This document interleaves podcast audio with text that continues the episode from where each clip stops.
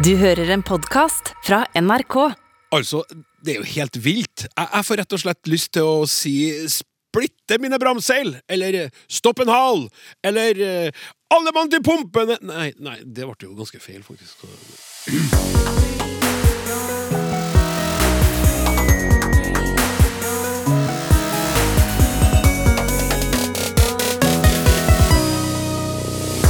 I dag får det bære eller briste.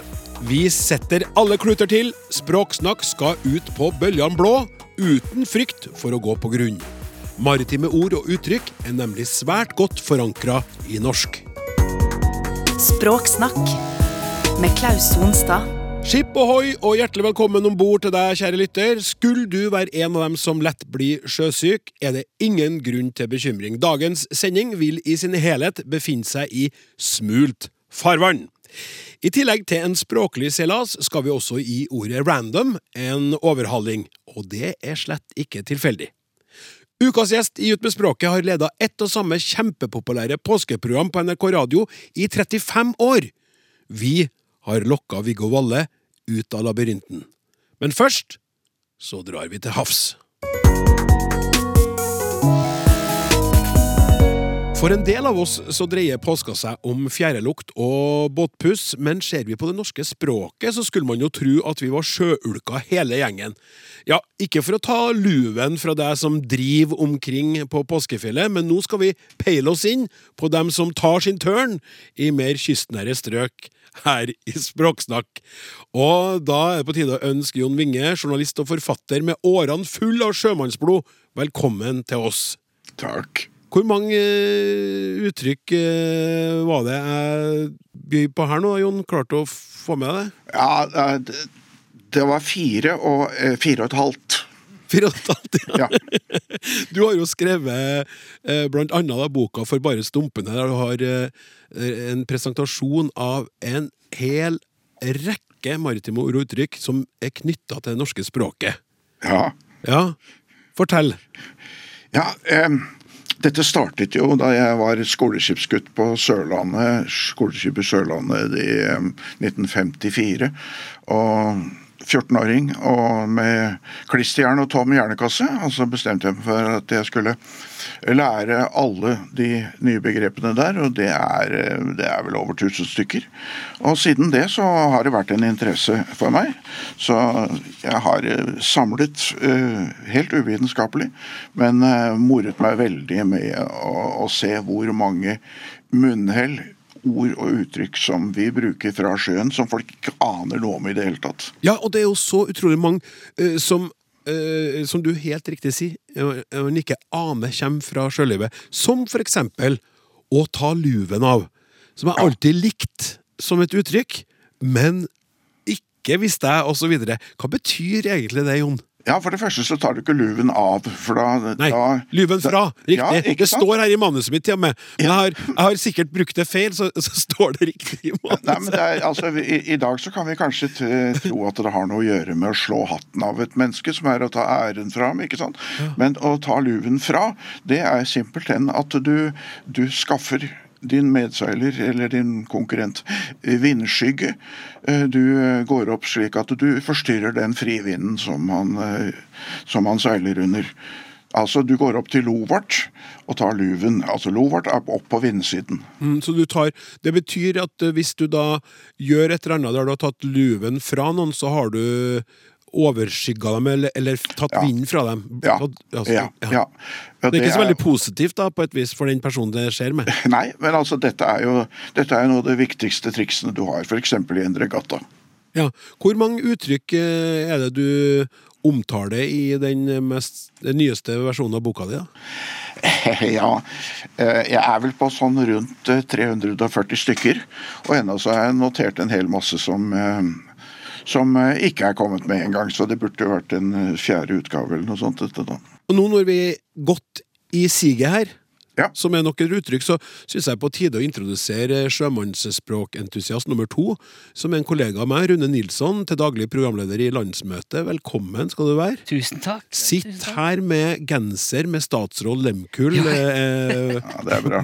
merket på. Ja, ja, det, det er litt tilfeldig, men ja, ja, jeg er veldig glad i den genseren. Altså I så fall så måtte det være en såkalt Freudian slip Ja. når du nå skulle snakke om maritime ord og uttrykk. Men Rune, hvor stor prosentandel eh, fra sjølivet vil du si at du har din dagligtale? Jeg trodde jo jeg, jeg trodde ikke i utgangspunktet at det var så veldig mye. Men eh, så skulle jeg jo ut på Altså, jeg vet jo at det har gjennomsyra språket. Det er veldig mye Altså, så Ta i et tak eller et skippertak eller det er, det er fryktelig mye vi sier sånn uten å tenke på det. Som bare ruller av ut av kjeften i, i, i det daglige.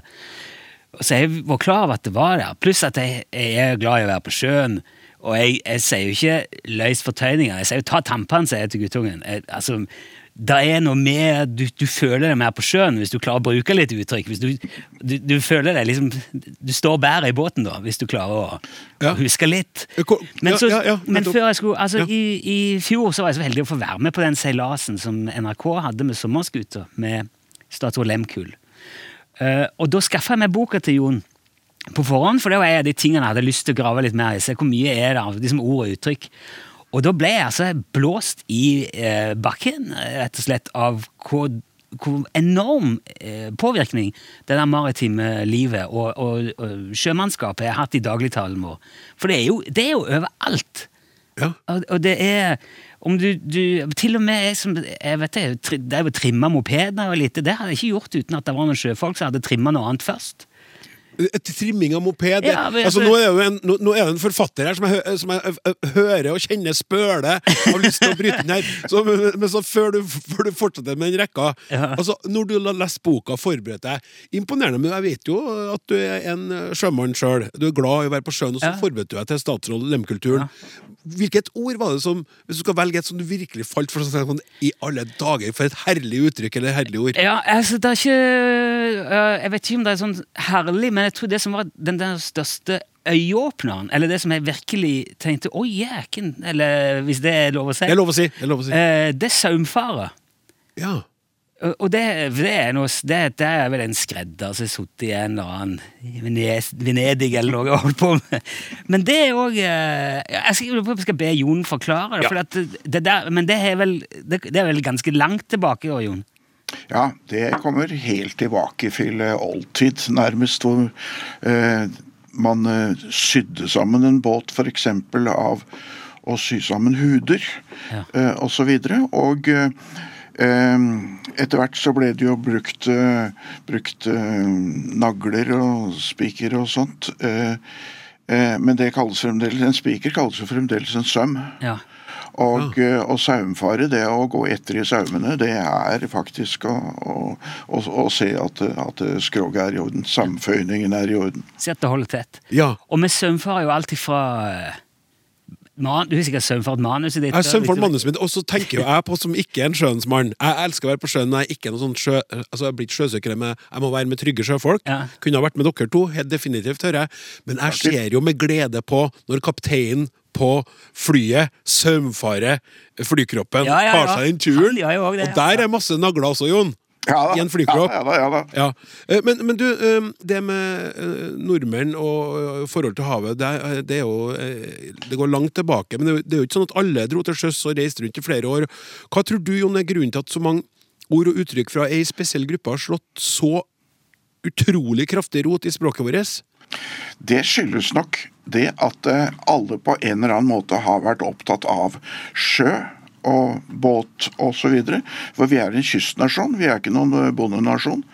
Eh, Og eh, de aller fleste yrker de hadde med sjøen å gjøre før det ble ordentlig fart på den industrielle revolusjonen osv. Så, videre. Ja. så folk, vi er en sjønasjon. Men da var det sånn at da, når, når, da mennesker som hadde vært på sjøen, øh, gikk i land da, og skulle finne seg ting å gjøre der, eller man samarbeida Hvordan kom, kom det her uttrykkene fra livet øh, om bord på et skip øh, Hvordan ble det dagligtale for folk på land? Ja, Det er veldig interessant, fordi at eh, de fleste sjøfolk kom jo hjem igjen etter hvert. Og uh, tok seg jobber på land. Og uh, Vi kan jo tenke oss livet om bord i en båt. Der må du et mannskap på 6-8-10-12 mann. De måtte klare alt. Alt fra å Én ting er å manøvrere skuta osv., men en annen ting var de måtte reparere. De måtte, måtte lage maten sin, og de måtte gjøre, gjøre alle tenkelige ting. Det var liksom ikke bare å kjøre inn til siden og, og ringe til Falken. For er du utpå, så er du utpå på godt og vondt. og da ble disse folkene etter hvert, sjøfolkene, veldig, veldig profesjonelle på en mengde ting. Mm. Og når de kom på land, så var det folk som var uhyre verdifulle i næringsliv og industri som etter hvert vokste opp. Uh, og det er ikke noe rart i at uh, disse folkene ble lyttet til, og deres språk ble, ble akseptert og anammet. Ja, for når de forklarte og viste og gjorde, så sa de jo, og brukte de ord som de var vant til å bruke, og da adopterte andre det, da. Ja. ja, nettopp. Og da syns jeg jo at vi skal rett og slett bruke litt tid her nå på Det her er jo tross alt et språkprogram, og nå har vi masse språk å boltre oss i. Vi starter med i ett strekk.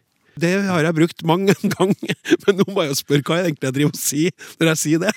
Det er mange som snakker om at når du har runda Kaporn, så er det ofte eh, mulig å gå i ett strekk eh, altså på, på andre sida av hornet, for da snur, da får du vind mye mer gunstigere. Nei, det har vel heller med passatvinden å gjøre. Ja. Og eh, altså trade winds eh, på engelsk, altså handelsvind, faktisk. Hvor du har eh, på hver side, nord og syd for, for ekvator, så, så, blåser vinden jevnt over i én retning. Men da gikk det jo altså og, og da, hele strekningen på, med, med ett strekk av seilen. Ja, altså Seilen ja. ble strukket én gang, og da var de strekt, og så kunne du gå på bare ett strekk. Ja, akkurat dette med å strekke seilene vet jeg ikke, jeg er ikke så sikker på, men, men Og derom strides de lærde? ja, jeg skal ikke påstå å være lærd i det hele tatt. Men jeg har hørt at det, hørt det blir sagt, da, at eh, ja. hvis du kunne strekke seilen en gang, og så gå uten å gjøre noe mer med dem, så var det på ett strekk. Ja, det er en god forklaring, det. Ja. Eh, og så har vi noe som jeg har sett mange eh, kvinner ha på seg, eh, og ikke minst kvinner i den litt eldre garde, da, som jeg minnes. Det er jo skaut. Rune, det har du jo sett? Ja, ja min mormor brukte mye skaut. Ja, ja. og skaut, vet du, det trodde jeg vi skal sånn, Det var sånn som mormor hadde på hodet, men det kommer jo fra sjøen, Jon? Vi har det fra, fra seilet, som har ender. Og i endene så må vi feste vi tau, eh, nemlig et skjøt, ikke et skjøte, som eh, landkrabber sier, eh, men skjøtet som vi da bruker til å trimme i seilet. og Stille det inn i riktig retning, stramme og hale inn osv. Og, så og det er den snippen som eh, skal da for skjøtbarmen. Og eh, da er det naturlig at eh, jentene som bruker det hodeplagget som minner om skjøtbarmen, at det ble, ble kalt et skaut. Så bra, vet du. Det er å være i siget, da. Det, er jo, det, det, tror jeg nok de fleste tar. Eh, det kan jo være at eh, du trår inn kløtsjen og lar bilen rulle, ikke sant. Mm, ja. det, er jo bare, det er jo bare ren genetikk. Ja, det var, det var kjedelig. Det, var ikke noe som, det var ikke noe som Jon syntes var noe spennende. å det, der. Ja, det, det, ja, det, der med å være i siget kan jo være ganske spennende. I hvert fall eh, i, i for gammelt av, når du måtte seile Altså ikke hadde motorkraft å lene deg på, men måtte, måtte seile helt til kai. da.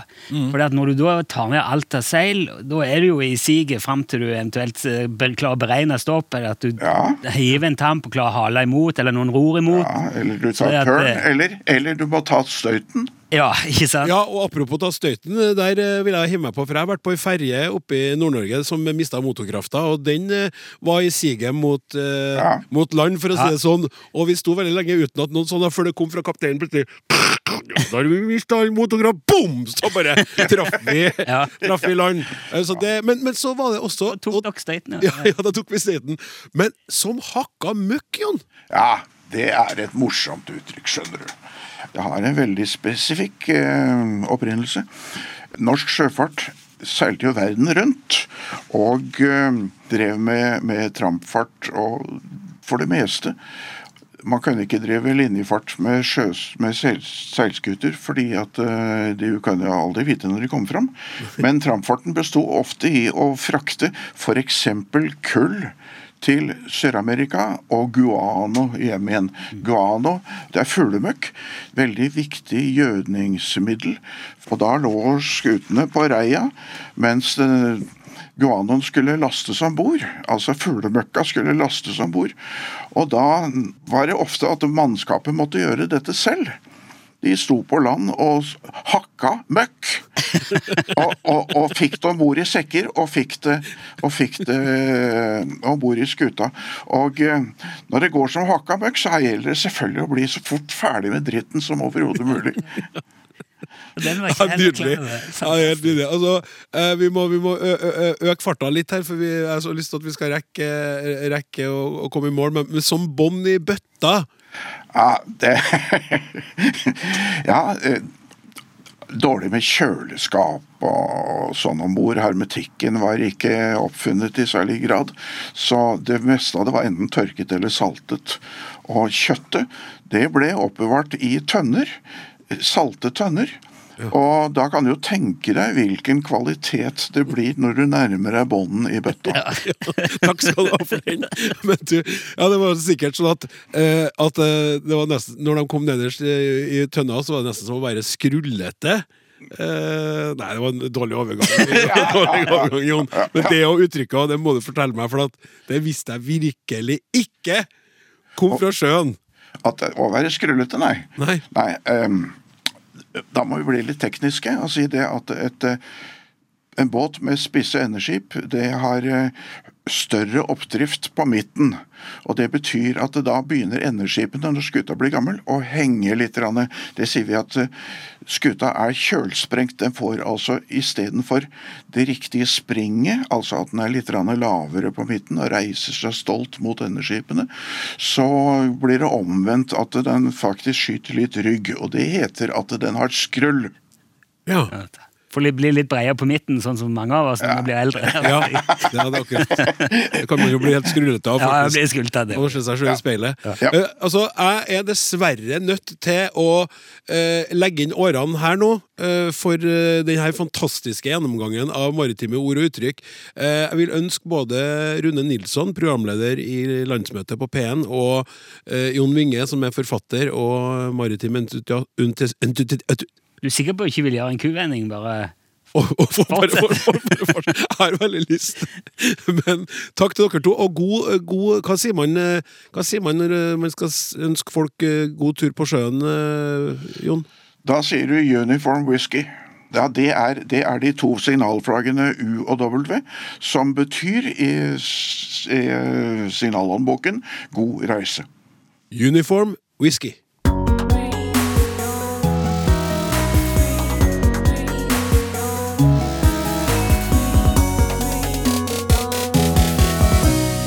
Hvis du ønsker å komme i kontakt med oss, så skriver du til snakk krøllalfa.nrk.no, og det har eh, en gammel språklærer gjort. Jeg har et lite, men viktig spørsmål. Hvordan skal NRK-ansatte uttale Putin? Skal de si Putin eller Putin? Står de fritt eh, hva gjelder uttalen?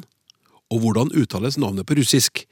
Nå skal jeg prøve meg på å svare på det her helt alene uten språkforskerhjelp, fordi at jeg mener at vi i NRK har fått beskjed om å si Putin, og at man på russisk sier Putin, eller noe sånt Putin, men dette med E med O.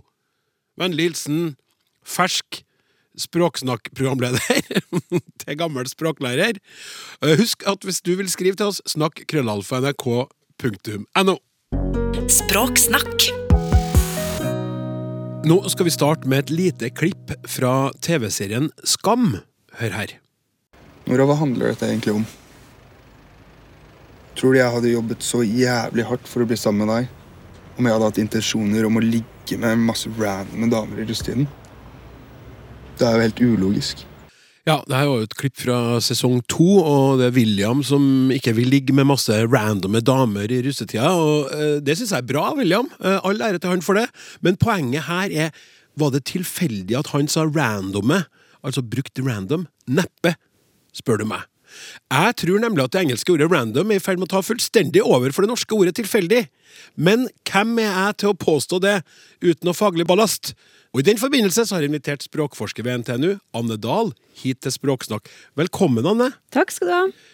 Hele poenget med å få deg hit er for å spørre deg er du enig med meg.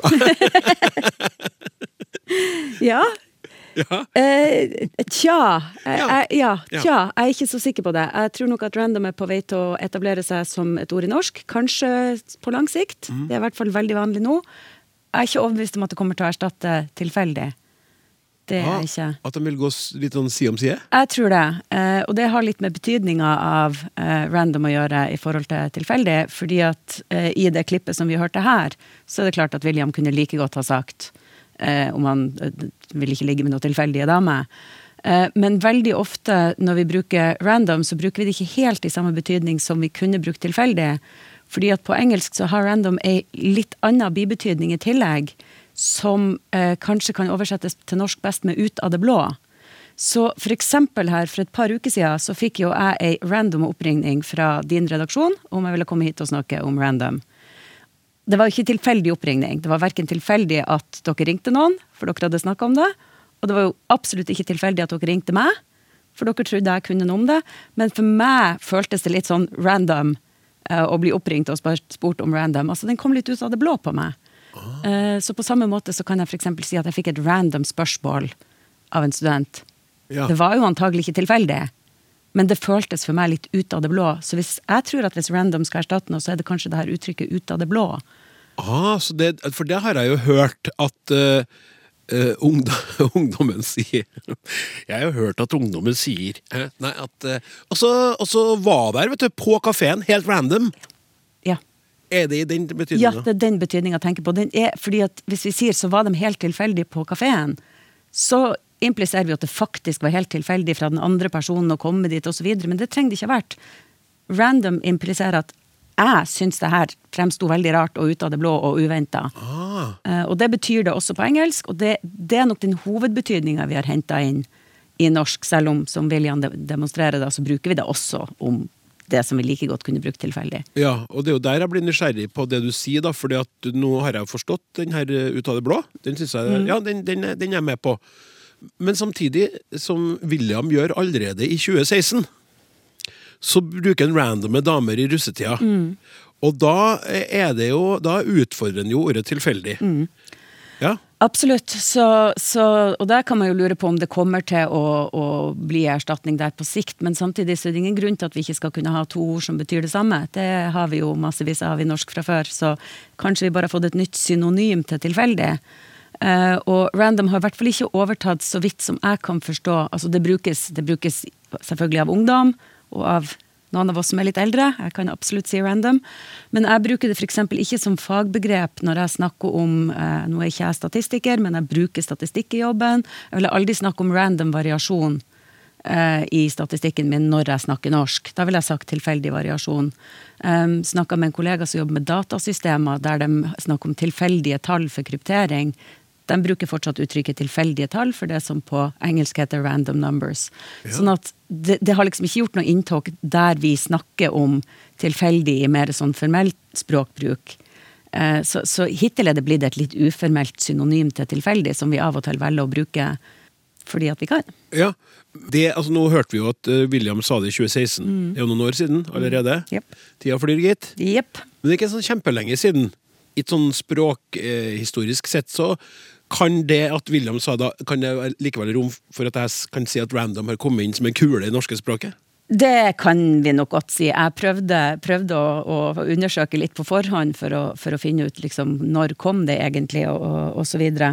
Og det er jo selvfølgelig veldig vanskelig å finne ut, for det er jo ikke noen som sitter og dokumenterer ethvert nytt ord i, i norsk, og hvis de har gjort det, så har de i hvert fall ikke gjort det veldig tilgjengelig. Men uh, Kan jo også være for at det kom inn veldig random. så ja, det, og så kom det inn litt random, sant? Jeg oppdaget det. Nei, den var dårlig. Sorry, kjære lytter. Sorry. og- Hjelp. Se der. Det er ikke det eneste ordet som har kommet som ei kule. Ja, men det er nice å bruke litt engelske ord. Det, Ja, det, det, det er så godt når du er, for du, du er sånn tals, eh, talsperson for det. ja, det er nødt til å være sånn som jeg sjøl snakker. Så det er veldig greit. Nei, og, men det er jo ikke det eneste ordet som vi akkurat hadde da. Sorry, og det er nice, og det, det er masse sånne ord. Og jeg mener, ser du på Skam, så finner du jo eh, voldsomt mange sånne ord. Men random er liksom et av stjerneeksemplene på de her nye engelske låneordene som, som er blitt henta inn. og og jeg fant en Aftenposten-sak fra for noen år siden som sa at det her var det ingen som sa for 20 år siden. Det tror jeg nok stemmer. Eh, Eller ingen som sa, men det var ikke noe vanlig, tror jeg, før årtusenskiftet i hvert fall. Mm. Jeg har nå googla litt på nett, finner det tilbake til 2008 i litt sånn kommentarfelt og sånt. Men samtidig så var det jo rundt 2008 at vi sjøl begynte å skrive på nett. At liksom det ble mer interaktivt. Sånn at om det fantes før, det er vanskelig å si. Eh, Det mest overraskende jeg fant ut, det var at i, eh, i 2011, i boka 30 dager i Sandefjord, så brukte Vigdis Hjort ordet. Eh, Der sier hun noe sånt som at hun ringer en annen random person. Aha. Og det at Vigdis Hjort brukte det i 2011 eh, Jeg tror ikke hun er en driver av ungdomsspråk, eh, så vidt meg bekjent. Det sier meg at det har nok kanskje vært ganske etablert allerede da. Eh, I hvert fall ikke helt ukjent. Men samtidig så er Vigdis en veldig våken forfatter, som eh, kanskje har i sin sfære i den tida da unge folk rundt seg tenker det, her, det der er et spennende ord. For der er, der er noen forfattere som er gode til å henge tidsbilder med å ta inn ord, altså. Ja. Men, men eh, si litt mer om hva det egentlig betyr på engelsk. Ja, nei, det betyr jo det betyr tilfeldig. Det er tilfeldig, rett og slett. eh, Og, og, og, men det betyr også veldig mye det her ut av det blå og uventa. Eh, fordi at hvis du googler litt sånn random på nettet, så finner du sånn 'random questions to ask strangers'. Og da er det snakk om spørsmål du kan stille ut av det blå for å sette dem litt ut. Ja. Random things that could happen to your next year. Og et av dem var 'you could get married'. Sant? Det er jo ikke tilfeldig, det er uventa ut av det blå. Mm. Så, så det er i sterk betydning. Men så betyr det jo da eh, ganske riktig tilfeldig. Mm. Eh, og så på, på engelsk så har det jo også den her spesifikke betydninga tilfeldig, så random variation, random numbers. Der vi har fått uttrykket randomisere, som vi bruker når noe skal settes helt spesifikt i en ekte tilfeldig rekkefølge. Så det, det vil si da at på engelsk så har de det ordet for både random og tilfeldig. Ja. Hvis jeg kan spørre Ja. så klønete. Ja, ja, men ganske riktig. Mens vi er så heldige at vi har både tilfeldig når vi skal være veldig tydelige på at det er tilfeldig, og random. Ja. Ja. Norsk er et rikere språk. Så artig. Eh, eh, altså, altså ordet random, ikke betydninga, men opprinnelsen. Ja. Ja. Eh, Det kommer, så vidt som jeg har, eh, har klart å finne ut, så kommer det fra gammelfransk. Gammel. Eh, gammelfransk, ja, randir, som betydde omtrent det samme som det engelske run eh, i dag. Det vil si at det kom inn i engelsk i den perioden sånn røftlig 1300-tallet. Da var engelsk og fransk i veldig veldig tett kontakt i, i Storbritannia, eller i England. Og eh, de, første, de første brukene av ordet randir i engelsk har jeg funnet fra 1300-tallet. Og så er det da på 1600-tallet fant jeg de første eksemplene på at det var blitt til random. Um, så der kommer det fra. Og da er det en del kilder, seriøse kilder som sier at det er mulig at dette randir i gammelfransk egentlig kom fra germansk eh, opprinnelig, og fra et ord som var rinne. Eh, og som da i så fall er det som har gått videre i engelsk og blitt til run. Og i norrønt så hadde vi også ordet rinne, som har blitt til det norske renne i dag.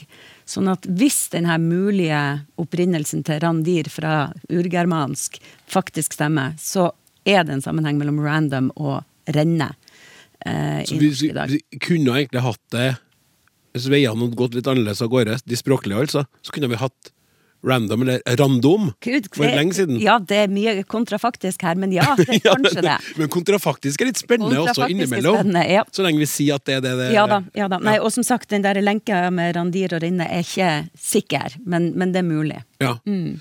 Nå har du jo sagt eh, at vi eh, da ut ifra ditt ståsted er heldig, for vi har eh, muligheten til å nyansere mellom tilfeldig og random. Ja. Eh, men når tror du random vil komme inn i norske ordbøker?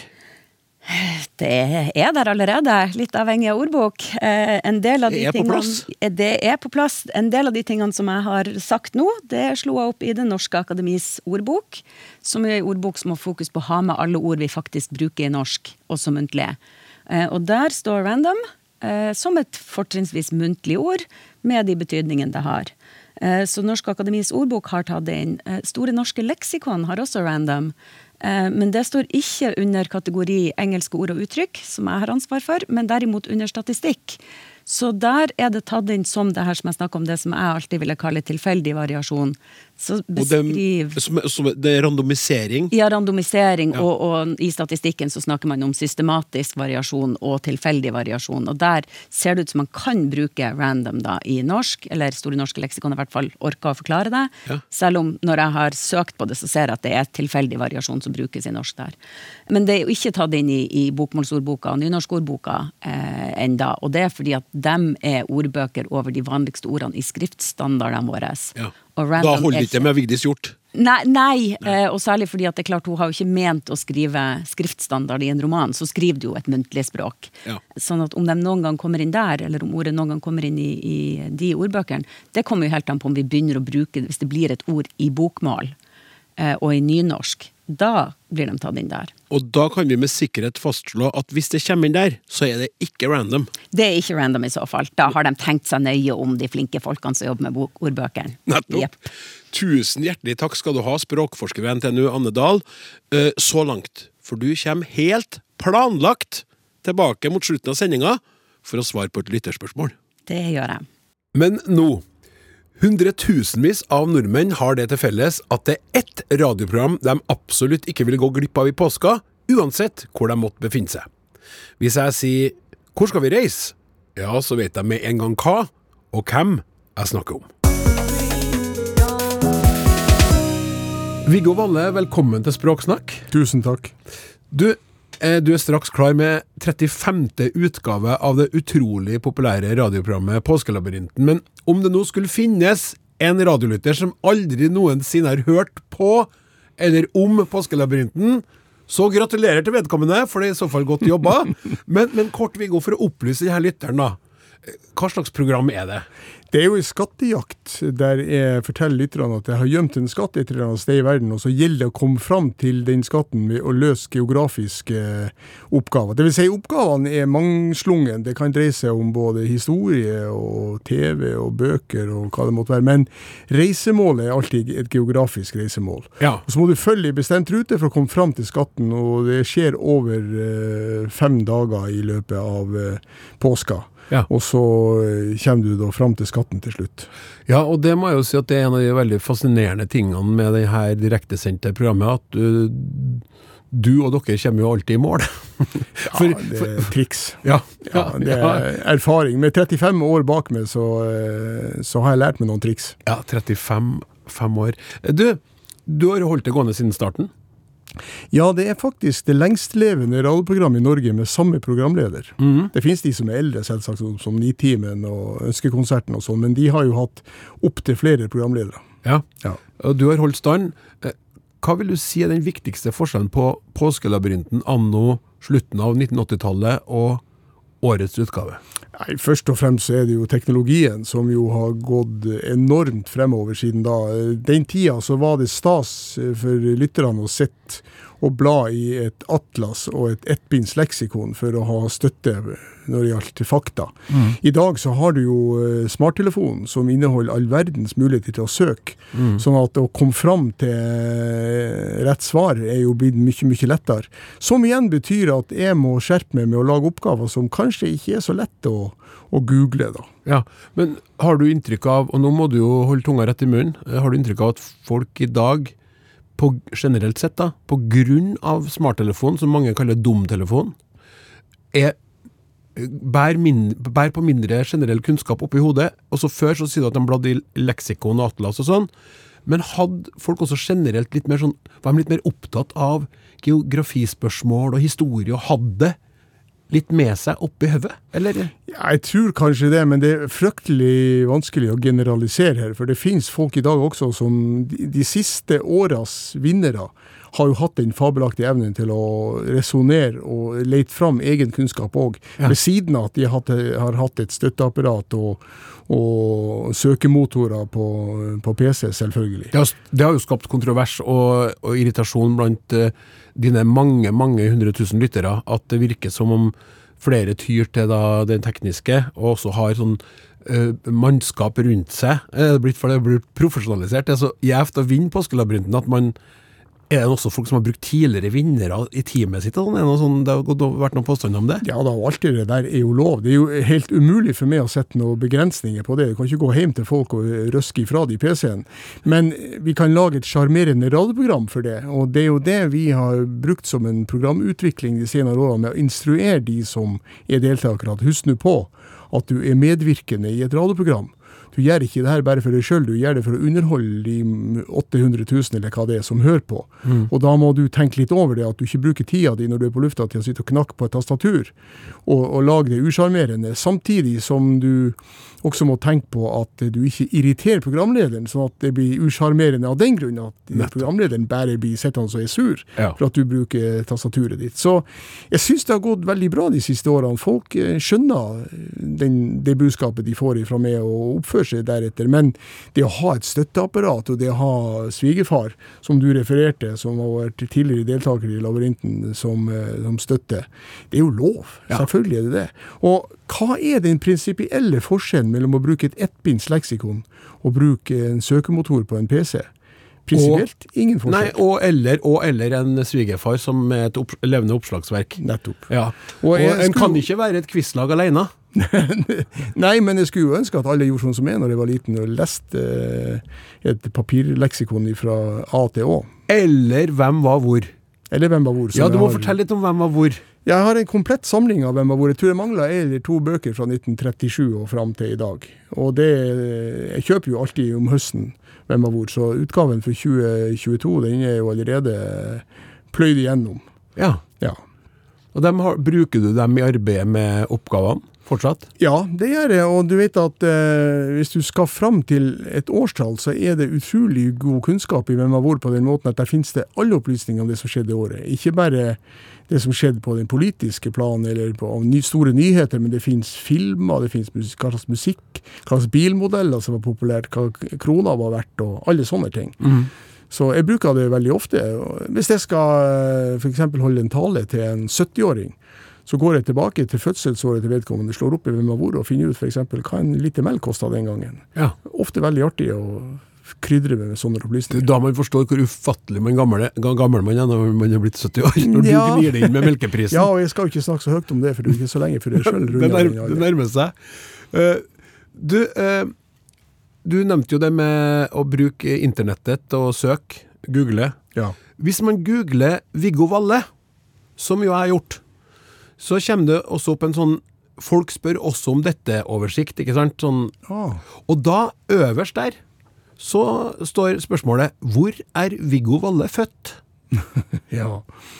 ja, og det vil du ha svar på. Ja, jeg vil veldig gjerne ha svar på det. Ja, Nå er jo jeg så gammel som jeg tilkjennegitt at jeg ble altså født i kammerset i det nordlandshuset som foreldrene mine bodde i, og som i sin tid ble bygd av min oldefar, på Fredvang i Lofoten, som er fiskevær. Der ble jeg født den 26. Jeg har hørt om seterfødsel, men ikke kammersfødsel. Nei, Nei barne, et av barnebarna mine som var der, og som hadde fått hørt den historien, som kom dit og så dette kammerset, og sier han 'Farfar, ble du født her?' Ja, så sier jeg det, jeg ble født der. Ja, men det står jo en sofa der. og det er jo det i dag. Men eh, min mor eh, har vært ute på eh, Høymarka. Vi hadde gårdsbruk den, den gangen i 1954. Og hun har vært ute og kodd høy.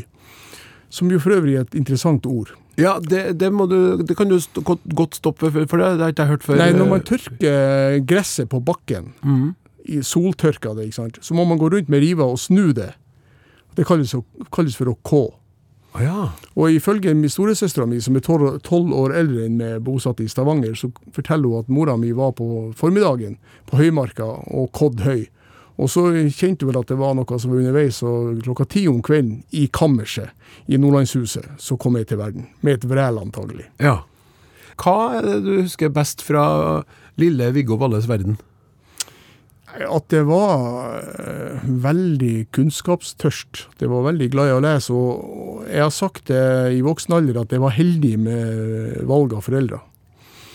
For det at mora og faren min eh, kunne jo selvfølgelig ha gjort sånn som alle andre foreldre i et fiskevær, nemlig sagt at er du produktiv, så skal du gå i fiskerbåten. Men mora og faren min stimulerte min interesse for å lese og det å tilegne kunnskaper på en utmerket måte. De så det eh, like spira til kunnskapstørst som lå der, og sørga for at jeg fikk lov til å kjøpe bøker og sånn, som jo ikke var så vanlig den gangen med den økonomien folk har på 50-tallet. Så jeg fikk lov til å bestille eh, det bestes eh, verdensatlas på eh, postordre.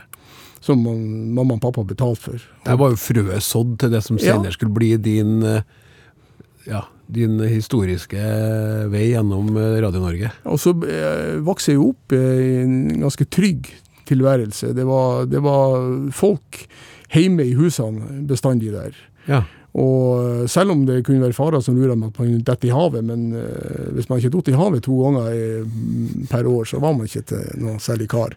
Men det var veldig trygt å vokse opp der. Ja. Folk tok vare på hverandre, og, og det var flere generasjoner som levde sammen. Jeg var ganske tidlig ute med og interessert i slekta mi, og eh, som seksåring, tror jeg, så sendte jo mamma meg ut. Hun skjønte det der, så hun sa gå til hun Ingrid, eh, som var en eldre dame i bygda, som, for hun vet veldig mye om slekta di på farssida. Så hels hun ifra, ifra mamma, og så sier du det at eh, hun må fortelle deg om slekta mi. Og det gjorde jeg. Som, som så ung? Ja. Ja. Jeg gikk og banka på døra, og så sa jeg jeg skulle helst ifra mamma og spørre om du kunne fortelle meg om slekta mi. Og det er klart at de gamle damene de ble jo sjarmert av en seksåring som kom med et sånt budskap. Men sånn var det. Ja, men så fint. Så hun tok seg tida, tok meg inn, eh, fikk mariekjeks og et glass saft, og så fortalte hun meg om slekta mi. Og eh, jeg har en ganske stor slektsbase. Den spira kom òg derifra. Jeg har sittet mange mange timer på Statsarkivet i Trondheim og forska i gamle eh, kirkebøker fra Flakstad. Ja, for det ble i Trondheim, men veien inn til NRK gikk jo via NTH. Ja, du kan jo si det sånn. Jeg, jeg var innstilt på at jeg skulle studere eh, realfag. Det var kanskje ikke så veldig lurt, egentlig, fordi at jeg var vel så interessert i eh, humaniora. Ja. Og interessert i språk, f.eks. Men det ble nå NTH, og det fant jo fort ut at det var ikke noe for meg. Det var en studentfabrikk som ikke passa meg helt, så jeg hoppa av, og så jobba jeg noen år i Trondheim. Før jeg søkte på programingeniørutdanning i NRK, og kom inn der i 1977. Og det var jo en helt annen verden. Vi fikk Mai Sønstevold som musikklærer. For de eldre lytterne de vil jo kanskje huske hun som sto bak musikken til Dickie Dick Dickens. Mai og Gunnar Sønstevold. Hun var jo en inspirasjonskilde som var fantastisk. Vi, hadde, vi var på eh, kunstmuseum, og vi lærte om, eh, om kunsthistorie sånn i det faget. Samtidig som vi lærte matematikk og halvlederteknikk og alle de ingeniørfagene. For en fin kombinasjon. Fantastisk. Det Ja. var, jeg, jeg er så glad for at jeg valgte den veien der. Og etter at jeg var ferdig, eh, vi hadde vel en 17-18 eksamener, tror jeg, i 1979, så søkte jeg på jobb i NRK Finnmark og fikk jo en dannelsesreise dit som er helt fantastisk. Der lærte jeg å kjenne om det samiske minoritet og den kvenske minoritet og alt det spennende som foregikk på 80-tallet i Finnmark. Ja. Alta-striden og alt dette her. Ja, alt det spennende og alt det vonde også. Ja da. Men først og fremst det som jeg sitter igjen med som den største eh, opplevelsen med å være der, det var å få ta del i den samiske kultur. Det å få komme innafor den døra som er stengt for alle oss andre norsktalende, egentlig, og som bare kan åpnes innenifra. Da jeg var så heldig at jeg har vært tekniker på samisk språkopplæring, lært meg litt språk og blitt kjent med fantastiske folk med samisk bakgrunn, så ble den døra åpna for meg. Og jeg kom inn i et rom som du ellers aldri vil kunne oppleve å komme inn i, med mindre du blir invitert. Og det var nesten som en slags åndelig opplevelse. For da skjønte jeg plutselig hvorfor snakker den samiske befolkninga sånn som de gjør når de prøver seg å snakke på et fremmedspråk som er norsk. Hvorfor eh, sier de det de sier, hvordan er det de tenker? Og etter det fikk jeg gode venner innenfor det samiske miljøet, som jeg har beholdt til i dag. Men si, si litt om det, for det er jo interessant. Hvis du har noen forklaring på den store forskjellen på altså Hvorfor snakker de norsken som de gjør? Nei, det er jo fordi at ofte så kan eh, norsk være et klønete språk å uttrykke seg på for en samisktalende, fordi de har så mye, mye mer rikere måte å illustrere sitt språk på. Ja. Eh, et ord som å spise, f.eks. borat, kan du føye til en endelse. Bora ditt, som eh, betyr å ha eh, et stort måltid. Eller du kan si bora stitt, som betyr å spise som aller snarest.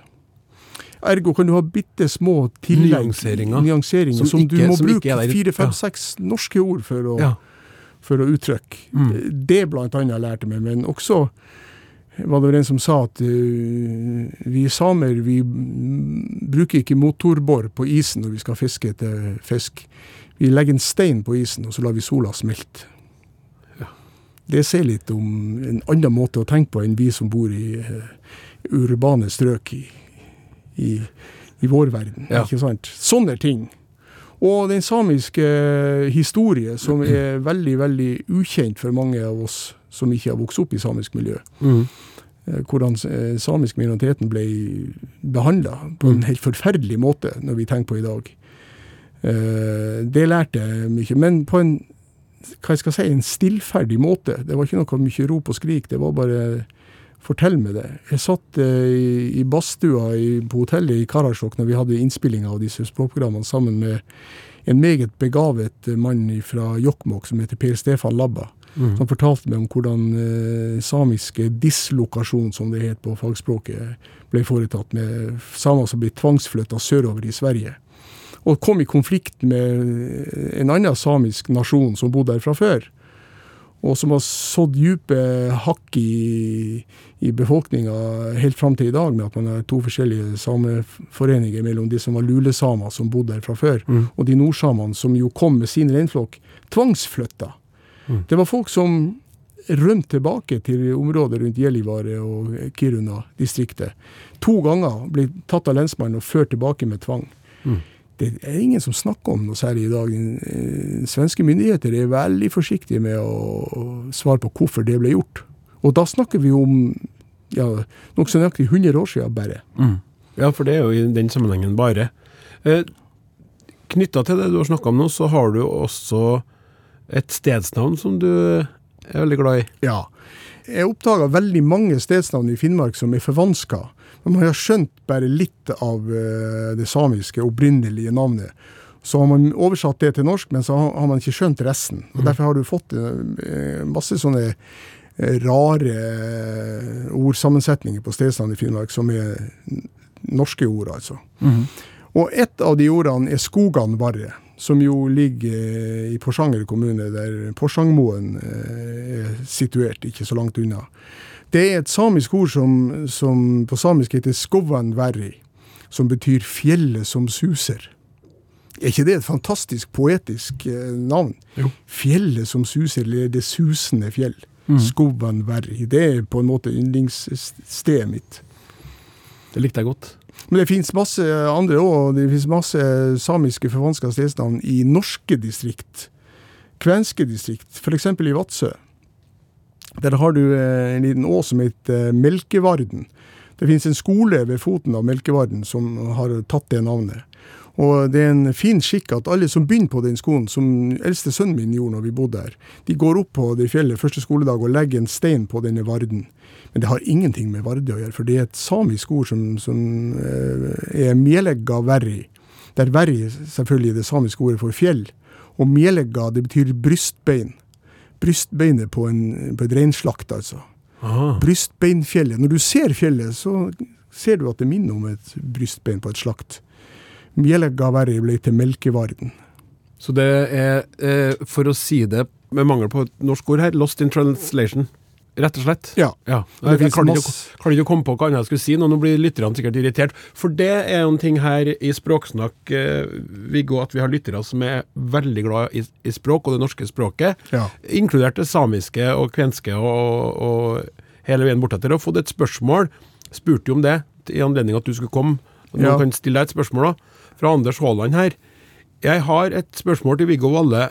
Hva, om noe, irriterer deg med det norske språket? Eller mest, da, med det norske språket?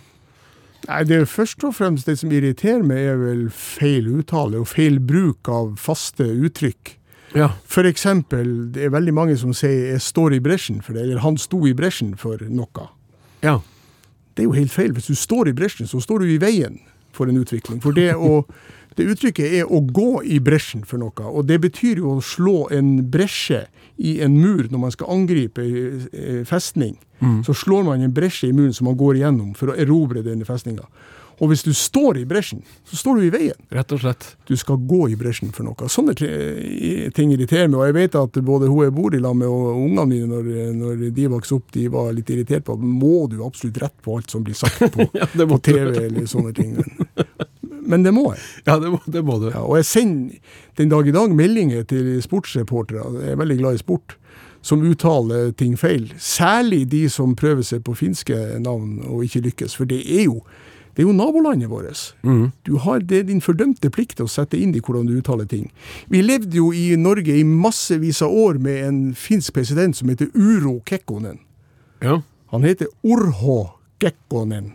Urho Kekkonen. Ja, Ja. Men du, påskelabyrintgeneralen, kongen. eh, har du noen gang stått der mens det koker som verst, og du håndterer spørsmål og styrer på, og det er deltakere med, og så hører du deg sjøl si noe som blir feil, og så kan du ikke bruke tid på det? Eller skjønner du sånn Nei, Ja. hva var det jeg sa der i sted? Har du hatt sånne? Ja, det hender rett som det, og, og især når det går litt uh, utenom det som egentlig jeg har planlagt, så er det fort gjort at det går litt feil. Men jeg var ute for en artig situasjon. For noen år siden så var det en lytter som ringte, så sa han for to år siden så skulle du til den tredje største byen i Australia, og den uttalte du feil. Ja, OK, det kan godt hende, men hadde du venta i to år med å fortelle meg det der? Ja, han hadde grunn til det. Den heter altså ikke Brisbane, men Brisbane. Ja. Så, så, sånne ting blir du tatt på hele tida. Og jeg syns det er helt strålende at folk retter, retter meg på det, for da har jeg jo lært noe nytt. Ja. Jeg har aldri vært i Brisbane. Jeg har vært i Sydney, men aldri i Brisbane. Jeg har aldri vært i Australia, så du er et skritt foran. Vi skal bare ta et kjapt spørsmål til før du får det eneste faste spørsmålet i denne spalten Ut med språket. Fra Trine Ludvigsen som skriver Hei Viggo og Språksnakk. Gleder meg til årets labyrint. Jeg har et spørsmål. Hvis du selv skal reise, hvor skal du reise hen? Ja, Eller er det 'Hvor skal du reise hen?' For boka di fra 2016 heter jo 'Hvor skal vi reise hen?' Hvis du sier du skal eller skal. skal. Skal. Så det var boka Og som det hele uttrykket 'hvor skal vi reise hen nå'? Og det, det er registrert varemerke, faktisk. Er det? Ja, det er det. Så, det, så jeg har en, en monitorering av det, hvordan det uttrykket blir brukt både på norsk og eh, engelsk og svensk og hva det måtte være, i alle medier. Men var det greit at jeg brukte noe her? Absolutt. Hvor skal, vi, hvor skal du reise hen? Da må ikke jeg si nå, da, men da, hvis du skal velge deg ditt favorittsted? Ja, jeg har jo et favorittsted, og det er jo heimplassen min i Lofoten. Ja. Der er jeg jo veldig ofte òg, og der har jeg beholdt dette Nordlandshuset. Det er jo i mitt eie nå, sammen med søsknene mine og niesa og, og barna mine. Og dit skal jeg også i juli i år og være der en hel måned. Det er favorittstedet det, det, og det har jo jeg oppdaga i voksen alder, hvor fantastisk det er å, å reise til Lofoten og være der. Især når midnattssola er oppe og det er lyst døgnet rundt. Jeg må ha den påfyllet av batteriet. Det er omtrent som et batteri som du lader opp. Går jeg høsten i møte uten å ha vært i Lofoten, så, så blir jeg sånn som øh, min gode gamle venn som dessverre er borte, Ole Hagbart Bremnes, skriver om grågåsa. Jeg er mest glad i når grågåsa kommer. Og sånn får jeg det om høsten når grågåsa snur og fly- flyr sørover, og jeg ikke har vært i Lofoten og fått lada opp det batteriet. Da blir du mismodig. Det blir mismodig, blir litt deprimert, men heldigvis så har jeg en flott eh, samboer som har lært meg å sette pris på eh, høsten òg. Men jeg sørger jo for å dra til Lofoten om sommeren, så det er mitt favorittreisemål. Og så, etter det, nå kommer da det eneste faste spørsmålet, og det siste i denne her vår lille samtale, før du skal haste tilbake til påskelabyrinten-forberedelser. Og nå også TV-sendt, eh, kjære lytter. Du kan se Viggo Valle. Du kan se eh, på Påskelabyrinten, men du kan ikke se på Påskelabyrinten og høre på Påskelabyrinten på radio samtidig, for da blir det sånn forsinkelse, så det blir kaotisk for deg. Du må ta et valg. Gjør det nå. Bestem deg for det nå. Og jeg vil bare si at Hvis du velger å se det, så er Viggo Valle for tida meget kjekt utseende, med ny sveis, også inspirert av uh, samboerens uh, innspill. Han hadde jo veldig flat sveis lenge, men nå har han fått en flott oppoversveis. Så det Hold på den dama der, sier jeg bare, Viggo. Men nå, Viggo Valle, ut med språket. Hva er ditt favorittord? Det er kanskje vanskelig å, å si ett ord, for det at jeg har gjort det til min spesialitet når jeg var programleder for God helg, å avslutte alle programmene med å si følgende Si til de du er glad i, at du er det. Og det var noe jeg lærte 22.07. Fordi da var jeg programleder i NRK Nordland eh, akkurat det uhyrlige skjedde på Utøya. Og da var det et band i Bodø som spilte inn en sang som handla om akkurat det. Å si at du er glad i noen før det er for seint. Det fikk jo en veldig sterk betydning akkurat da. Og etter det så bestemte jeg meg for det at hver eneste gang når jeg forlater heimen, enten jeg skal på et møte eller om jeg skal på jobb, så sier jeg alltid til hun jeg bor lag med at jeg er glad i det. Så det blir favorittordet. Jeg er glad i deg blir favorittordet ja, ditt, da. det blir det. Ja, eller uttrykket, da. Uttrykket, ja. ja. Tusen, veldig fint. Og under tvil ble jeg godkjent, for det var så fint. For det skal egentlig bare være ett ord. Men glad. jeg ble glad av det, så da fikk jeg ordet mitt. Og tusen takk skal du ha, Viggo, Viggo Valle, og lykke til med årets påskelabyrint. 35. i rekka. Tusen takk skal du ha.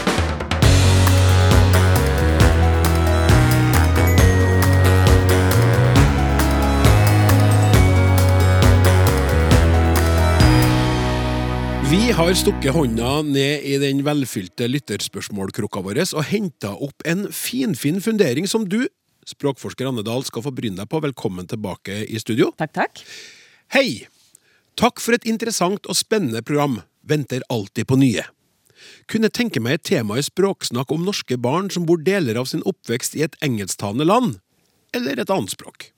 Det er mange norske barn med sin norske familie som har deler eller hele sin oppvekst i et annet land enn Norge. Var i den situasjonen for mange år siden og noterte meg følgende konkrete pussigheter. Barna bodde i et engelskspråklig land. Engelsk var undervisningsspråk i skolen deres. Noen av barna fikk også undervisning i swahili, på swahili. Det var flere norske familier hvor vi bodde. Barna gikk på engelskspråklig skole, noterte meg en pussighet om at når noen norske barn lekte sammen, snakket de engelsk i rolleleken, men når en forelder hadde beskjed til en av dem som skulle formidles videre til en av de andre, skjedde det på norsk. Et av mine barn snakket ofte i søvne, på engelsk.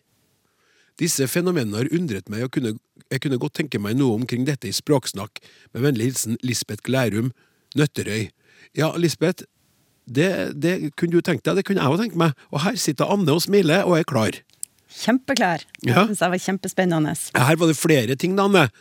Her er det mye, ja. Men det er knytta til det samme. Det er det. det, er det. Og, og det som jo er artig med det her spørsmålet, er at det her er jo en type spørsmål som ikke bare dreier seg om da norske barn som vokser opp i et annet land med et annet språk rundt seg, men også andre barn i Norge som vokser opp med et annet språk hjemme og norsk rundt seg. Og mange av de her prosessene som skjer i språkvalgene deres og språkbruken deres, vil jo være veldig lignende. Ja. Eh, sånn at det her er jo eh, noe som, som vi som jobber med flerspråklighet og sånt, har sett mye på. Hva, hva skjer i familier med språkvalg til voksne og barn og, og sånne ting. Sånn at det her er et kjempe, kjempespennende spørsmål. Ja. Eh, absolutt. Så bra. Eh, og jeg kan begynne med det her med, med mm, den her le leken, da. Så syns jeg jo ikke det er spesielt rart at de her ungene valgte å leke på engelsk, eh, selv om alle kunne norsk. fordi at det er jo sånn at Menneskehjernen er jo ikke egentlig programmert til å bestemme seg for at ett språk den møter er mer viktig enn et annet, eh, og at man har ett morsmål og ett hovedspråk. Um, Det er litt sånn lett for oss å tro, for vi er voksne opp med norsk, så det er jo hovedspråket. Og selv om noen av oss er kjempegode i engelsk, så jo jo, men det er jo norsk, da. Ja. Eh, mens en unge som vokser opp med flere språk rundt seg, den, det, er sånn, det, det er ikke noen grunn til at de skal tenke at det her er hovedspråket mitt, og det her er et annet språk som jeg også kan. Så for de her ungene som da levde store deler av dagen sin på engelsk, og så hjemme på norsk, så kunne det hende at de følte at begge språkene var deres språk. Og, og da er det jo ofte sånn at man knytter språk litt til personer og litt til kontekster. Så for eksempel så kan de ha vært mer komfortabel med leking på engelsk, for det var det de vant til. Var vant til fra skolen å leke med andre unger som ikke kunne norsk og sånt, så det var det språket de valgte da. Men så knytta de norsk veldig til foreldrene og familiesituasjonen. Eh, og da kan det være, når de da visste at alle rundt dem snakka norsk, så var det jo enklere å referere det en forelder hadde sagt på norsk til dem, til ungene. Det er på norsk. interessant, fordi da lurer jeg på, tror du da at hvis det var eh, et kun engelskspråklig barn til stede, at de ville ha sagt det på engelsk? Ja, det tror jeg. Ja. Det tror jeg For å ikke ekskludere Ja, det tror jeg Den ungen? Unger er ekstremt gode på eh, den typen. De er veldig tidlig ute med å vite hvem de kan bruke hvilket språk med, og å bruke riktig språk i riktig kontekst. ta hensyn. Ja, ta hensyn, og, og du, du ser veldig sjelden flerspråklige barn som på en måte snakker feil språk med en person, altså bruker hjemmespråket sitt ute i samfunnet hvis resten av verden ikke kan det og sånt. Det, det er de kjemperaske på. Er de nesten flinkere eller- kjappere til, enn oss voksne til, å, til å, å, å gjøre det rett? At vi kan være mer klønete der? Ja. Oh, sorry, I forgot uh, to include you in the conversation. I just got a message from my Altså sånn Ja, jeg, jeg tror det. Jeg Ja. tror det at å vokse opp altså Vi har ikke sånn kjempesystematisk kunnskap om det, men, men det jeg tror det med et godt kvalifisert gjett. eh, At det å vokse opp med flere språk rundt seg, være vant til å måtte på en måte navigere det med hvilket språk passer passer når, det lærer man veldig tidlig, og da blir man veldig god til det. Eh, Sånn at det er lettere. Jeg, jeg syns ofte det er vanskelig. Jeg har jo et lunsjrom der det kommer inn folk som snakker forskjellige språk, og ikke alle samme språkene. Og når skal du skifte språk for å inkludere noen i samtalen og sånn? Det syns jeg er litt vanskelig. Ja. Mens, Du som eh, jobber med det. og jeg jobber med det òg, ja. Ja. ja. Men, eh, mens jeg tror at, at unger som er vant til at det der er en del av hverdagen, de er flinkere på det.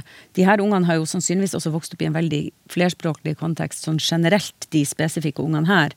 Eh, Fordi at siden hun nevner swahili, så antar jeg kanskje at det her har vært i Afrika. Ja. Eh, Og der er det jo helt vanlig for unger å vokse opp med massevis av forskjellige språk, og noen brukes der, og noen brukes der, og folk har varierende kompetanse i forskjellige språk. Og så krever det jo tross alt likevel, eh, eh, tross alt likevel litt av en ung hjerne. Det. navigere seg språklig gjennom denne flerspråklige hverdagen. da. Mm. Så sovner barnet om kvelden Ja. og begynner å snakke i søvne. Ja. På engelsk. Ja. Eh, altså Det syns jeg heller ikke er noe overraskende. fordi at eh, alt, altså Nå vet jeg ikke hvor gamle de her ungene var da de kom eh, dit de kom, og jeg vet ikke hvor lenge de har bodd i dette landet. og sånn. Men som sagt, så et, et barn som eh, lever store deler av livet sitt på engelsk, alt utenfor familien foregår på engelsk, det er ingen grunn til at ikke de skulle tenke like mye på engelsk som på norsk.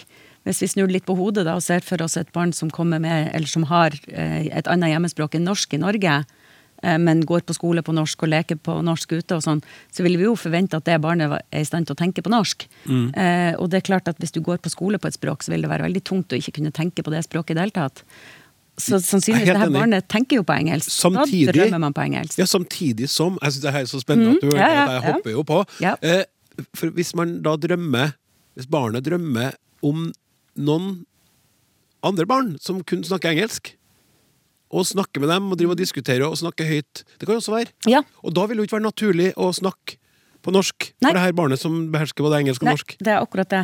Nei, og samtidig, Vi gjør jo mye rart på, i søvne uansett, og tillegg folk på det, altså Man kan jo plutselig drømme at man snakker engelsk hjemme. og Jeg drømte i natt at Bruce Willis snakka trøndersk, så altså, det kan skje mye rart Det er sant! Du, Bruce Willis og, ja, og det der har gått veldig inn på meg også. Ja, men at han snakka ja. trøndersk, Ja, kanskje det vil gå bra. Men da Ja. kanskje han kan spille inn actionfilmer på trøndersk når man sliter med sitt eget uh, morsmål. Det kan vi håpe på. Så utrolig rørende. Det, Ja, det var veldig Var det noe du ville tilføye? eller? Jeg, jeg føler at vi bør komme tilbake til det her eh, temaet. Det er utrolig spennende, og det er så mye her. Ja, det er, det er veldig mye her. Og, og det, som, det som jeg syns er liksom hovedpoenget her, er at det som, det som hun veldig godt viser med å skrive inn, det er det at unger som vokser opp med to språk rundt seg, det er ikke sånn at det som er hjemmespråket deres, nødvendigvis er eh, morsmålet som de foretrekker, og som de er tryggest i, og som de helst vil bruke i alle sammenhenger. Det er helt vanlig å ha flere språk som er sitt eget språk og naturlig språk, og som man føler seg kjempesterk i.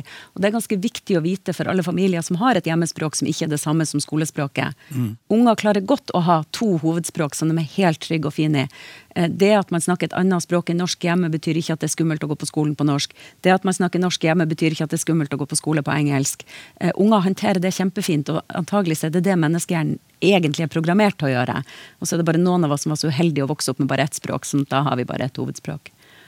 Tusen hjertelig takk skal du ha, språkforsker Anne Dahl. Språksnakk er i havn for i dag. Neste uke så sjøsetter vi ei lita spesialsending, for nå trenger mannskapet ei frivakt. Det betyr at vi mønstrer på å kaste loss igjen først etter påske. Tekniker Martin Våge, journalist Randi Lillealteren, produsent Hille Sahl og programleder Klaus Sonstad ønsker deg ei salig høytid. Vi snakkes!